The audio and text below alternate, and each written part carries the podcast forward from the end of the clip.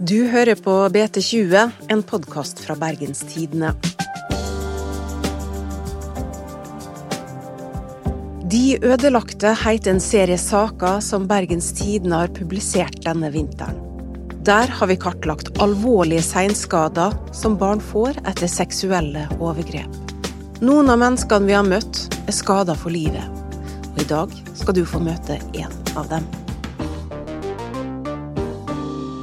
Mitt navn er Tonje Ausland.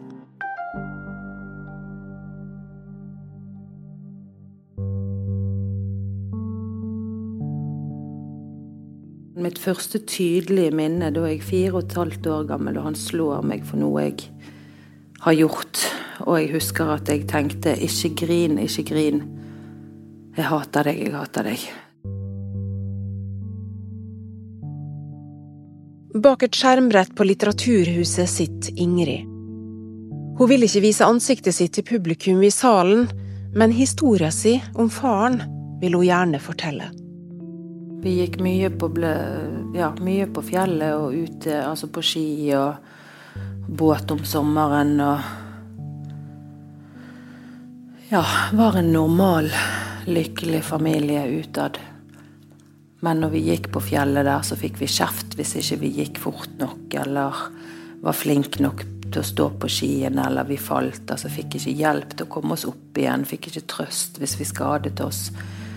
Det var ingenting. Det var liksom 'kom igjen, kom igjen, smil, nå skal vi ta bilde'. Altså, noen av bildene er nok sikkert ekte smil, selvfølgelig, men ofte var det bare en følelse av at her vil jeg ikke være. Det er slutten på 80-tallet. Ingrid og lillesøstera vokser opp i en bydel i Bergen. Familien går jevnlig til religiøse møter, og mor og far går på jobb, sånn som mange andre foreldre gjør. Men bak veggene er det noe alvorlig galt. Så jeg følte allerede ganske tidlig at her var det noe som ikke stemte. Eh, han var ikke den omsorgspersonen, tryggheten, som en far skal være. Ehm, det var mye, mye redsel. Eh, likte aldri å sitte på fanget hans eller få klemmer eller når han skulle ha kos. Det syntes jeg var ekkelt. Det første seksuelle overgrepet som Ingrid kan huske, skjedde da hun var elleve år gammel. Um, hadde sovnet på sofaen, og han vekket meg og sa, skulle, sa jeg måtte sette meg på fanget hans for å si god natt. Og han begynner da å berøre meg. Um, og jeg husker bare at jeg var stiv av skrekk og visste på en måte at dette var feil. Dette fikk ikke han lov til å gjøre. Og var våken ganske lenge, men jeg har ikke begrep om hvor lenge jeg satt sånn før jeg tok mot til meg og gikk inn i sengen. Hvorpå han fulgte etter og fortsatte overgrepet der. Samtidig som han sa unnskyld for hva han holdt på med. Men Han sa ofte unnskyld, men skjønte jo at han ikke mente noe med det. For overgrepene bare fortsatte. Faren hadde bygd sengehemser til Ingrid og lillesøstera, og der lå de på hver sin side av en tynn vegg og venta på at faren skulle komme inn til dem og klatre opp stigen. Vi hadde dunkesignal i veggen når vi da var blitt eldre. Da. De seksuelle overgrepene ble hyppigere og oftere. Har hatt rom vegg i vegg i alle år. Hvorpå jeg husker at vi banket lett i veggen til hverandre når han var ferdig. Så ja.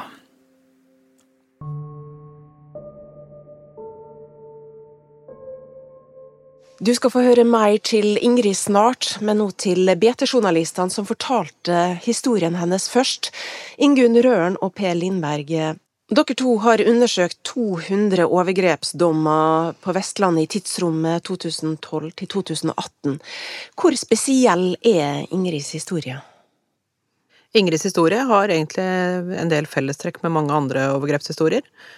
Det er at eh, de, hun sier ingenting mens hun er liten. Hele familien fremstår som velfungerende, og de har to døtre som har det fint, er skoleflinke og oppfører seg bra.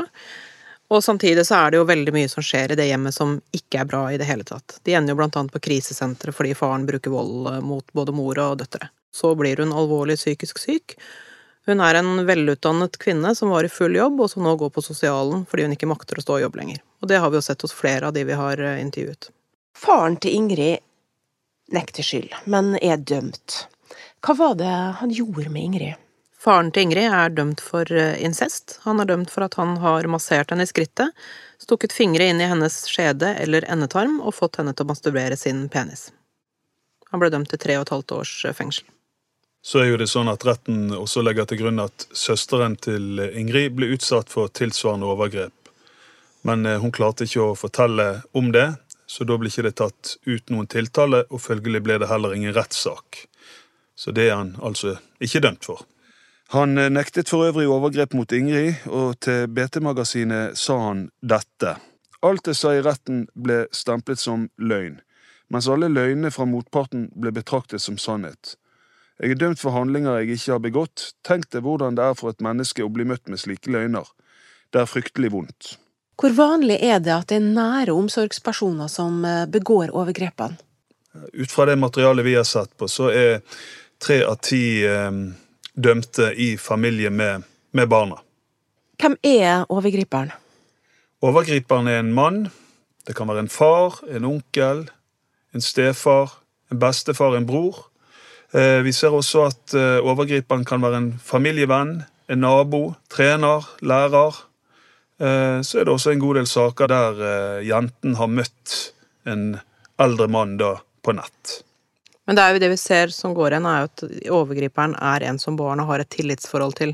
Som de enten da møter i forbindelse med familie, at de er i familie, eller i forbindelse med skole eller trening. Så nesten alle i vårt materiale så er det noen barna har tillit til. Så mens vi som foreldre ofte er redde for mannen i den hvite varebilen, så er det helt andre som barna bør være redd for. Og Per, er det ikke slik at disse som er utsatt for overgrep fra nære omsorgspersoner, også blir utsatt for flere overgrep enn de som er tilfeldige ofre?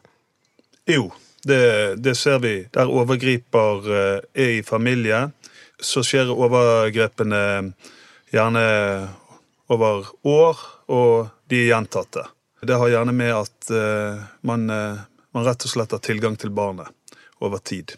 Så også tilfellet for eh, Ingrid. Hvor mange overgrep var hun utsatt for? Ingrid mener selv at hun har vært utsatt for et sted mellom 100 og 500 overgrep, men retten har lagt til grunn at det er et sted i det nedre sjiktet der. Men at det har skjedd gjentatte ganger gjennom de fem årene som overgrepene pågikk. Mange av dem som blir utsatt for overgrep, holder det hemmelig. Det gjorde også Ingrid. Mora fikk for eksempel ikke vite noen ting. Hvorfor er det slik?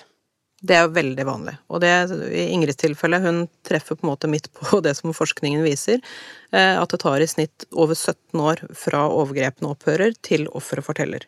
Og I Ingrids tilfelle så gikk det ganske nøyaktig 17 år fra det siste overgrepet skal ha skjedd, til hun bestemmer seg for å anmelde. Og det hun har sagt om det, og som også søsteren har sagt, er at de var altfor redde til å si noe. De var redde for faren, som var voldelig og som var uh, uberegnelig. Uh, og de hadde ingen som de stolte nok på til å si det. De oppfattet at moren var for kuet av faren til at hun kunne beskytte dem. Uh, søsteren prøvde å skrive i en stil, og det har vi også sett flere ofre som har gjort, at de prøver å skrive i en stil på skolen. Men læreren skjønte ikke at dette var hennes egen historie, det ble oppfattet som fiksjon. Og det som både Ingrid og søsteren har sagt, er at hvis de skulle ha fortalt noen ting, så måtte en trygg voksen ha satt seg ned med dem ikke én gang, men mange ganger og spurt hvordan har du det egentlig. Og da sier de at kanskje femte eller sjette gangen så ville de ha fortalt. Først etter at Ingrid ble voksen, turte hun å ta et oppgjør med faren. Men vi klarte nå å bryte kontakten da. Jeg husker òg det var noen meldinger eller mailer frem og tilbake hvor meg og min søster skrev til han at vi anmelder deg for det du har gjort mot oss i oppveksten, hvis du ikke holder deg unna. Og han holdt seg unna, men han sa liksom aldri noen ting til meg, i hvert fall, om Altså, han innrømmet jo aldri noen ting. Han sa bare er du, er det noe i veien med deg, du er gal, og jeg har aldri gjort noe sånt, og jeg ville aldri gjort noe sånt. Og både meg og min søster konfronterte han, og likevel så Nei, nei, nei, han hadde ikke gjort noe gale. Men han holdt nå seg unna. Men det gikk veldig mange år før jeg skjønte på en måte hvor dette preget meg egentlig. Voksenårene til Ingrid var prega av sykdom og depresjon. I egne øyne var hun ingenting verdt. Ingen kan jo være glad i meg, egentlig. Selv om jeg vet rent rasjonelt at det ikke stemmer, så føler jeg meg bare så verdiløs av det han har gjort mot meg. At alle kan se det på meg, og at jeg føler Altså, jeg vet som sagt at det er helt idiotisk, og at folk tenker ikke sånn, men det er vanskelig å endre et mønster man har hatt oppi hodet siden man var ganske liten. For når han som skulle ta vare på meg og elske meg mest av alle, ikke klarte det overhodet, hvorfor skulle da noen andre elske meg i det hele tatt? Først etter at Ingrid ble tvangsinnlagt, og etter at hun hadde forsøkt å ta sitt eget liv, får hun den hjelpa hun trenger og etter hvert så forstår Ingrid at hun må ta et skikkelig oppgjør med fortida for å komme seg videre. Men jeg var jo òg veldig redd for at folk ikke skulle tro på meg, at rettssystemet ikke skulle tro på meg, at saken ble henlagt, at det var foreldet, at det ikke var nok til å på en måte komme igjennom i rettssystemet. Eh, og at han ja, skulle finne på noe. Men etter det selvmordsforsøket, så, og da terapi fra september til juni, fant jeg ut at for å klare på en måte å løsne opp i alt, så må jeg i hvert fall prøve å se hva som skjer. Og det som skjer, er at eh, Ingrid blir trodd. I to rettsinstanser. Faren sitter fremdeles fengsla. Ingunn og Per, dere har studert denne dommen og 199 andre overgrepsdommer. Felles er at ofrene blir skadd, og til dels ganske alvorlig. Det vi har sett i mange av sakene, er jo at uh, ofrene får store psykiske problemer etterpå. Mange får diagnosen PTSD, at de har såpass alvorlige skader som det. Veldig mange sliter med å fullføre skolegang, og dermed så sliter de også med å komme seg i jobb. Mange har et elendig selvbilde, altså et fullstendig ødelagt selvbilde, hvor de, flere av dem sier til oss at de er jo ikke verdt noen ting. De ser på seg selv som eh, personer som ingen kan være glad i, og de får veldig ofte problemer med relasjoner senere i livet. Både i forhold til å stole på folk, men også i forhold til å ha et samliv som voksne, og mange klarer ikke det. Mm. Og derfor så har eh, reportasjeserien deres fått navnet De ødelagte. Men hvor, eh, hvor ødelagte er de? Det varierer jo, men eh, vi har jo tall på at 91 av 256 barn har blitt eh, registrert med senskader eller har fått psykiatrisk behandling i ettertid. Vi ser eh, at flere har forsøkt å ta sitt liv. De har falt ut fra skole. Eh, mange får et rusproblem, og i voksen alder, eh, for så vidt før den tid, så ser vi eksempler på at det blir langvarig innleggelse på psykiatrisk institusjon. Mm. Og Vi er jo helt klar over at det er ikke alle som blir utsatt for seksuelle overgrep, som blir ødelagt. Men i denne serien så har vi konsentrert oss om de som er mest skadet av overgrep. Og vi har jo funnet flere personer som er fullstendig invalidisert for livet mm. etter overgrepene de har vært utsatt for som barn.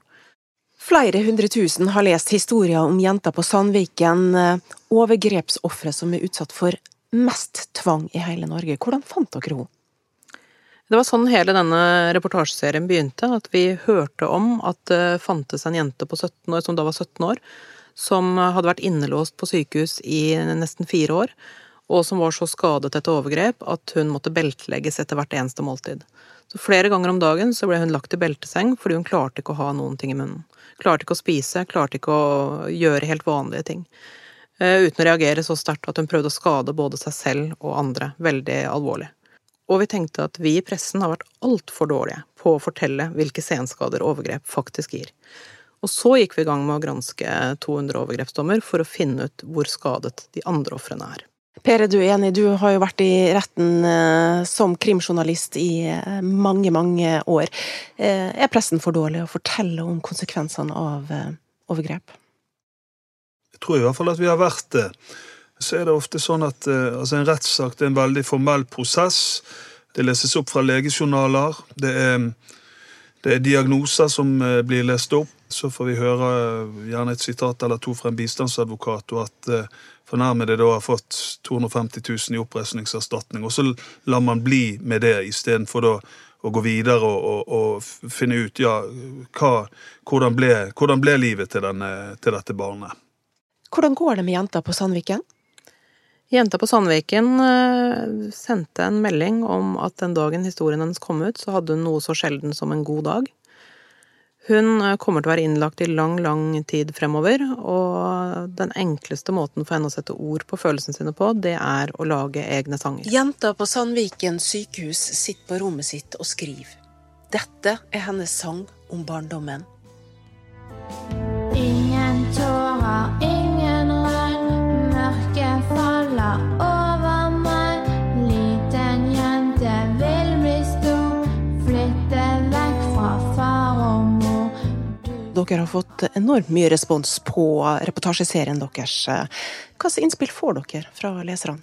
Vi har fått helt uvanlig mange reaksjoner og henvendelser fra lesere.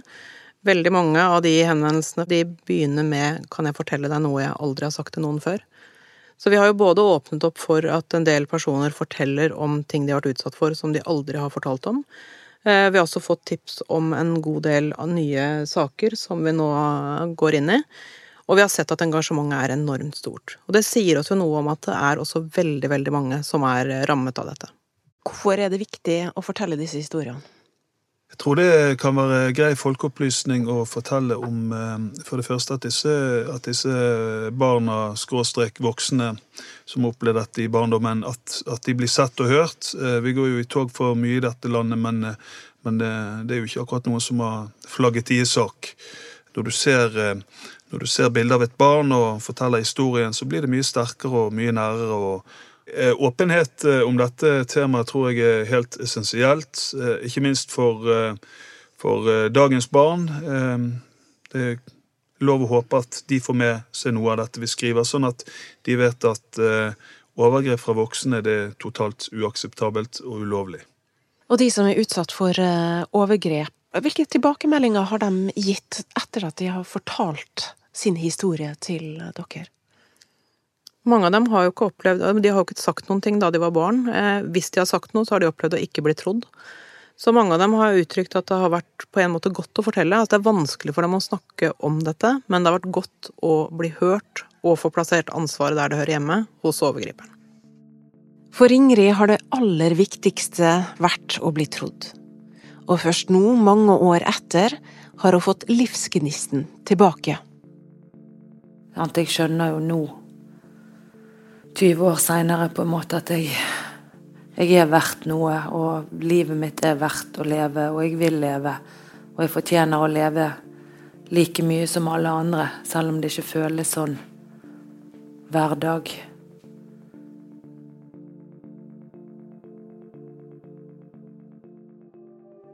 Du kan høre hele samtalen med Ingrid, som fant sted på Litteraturhuset i Bergen dersom du laster ned BTs nye app, BT Lytt. Der finner du også alle de andre podkastene som vi lager i Bergenstidene. Du har lytta til BT20. Vi er tilbake igjen neste uke. Produsent er Henrik Svanevik. Og mitt navn er Tonje Ausland.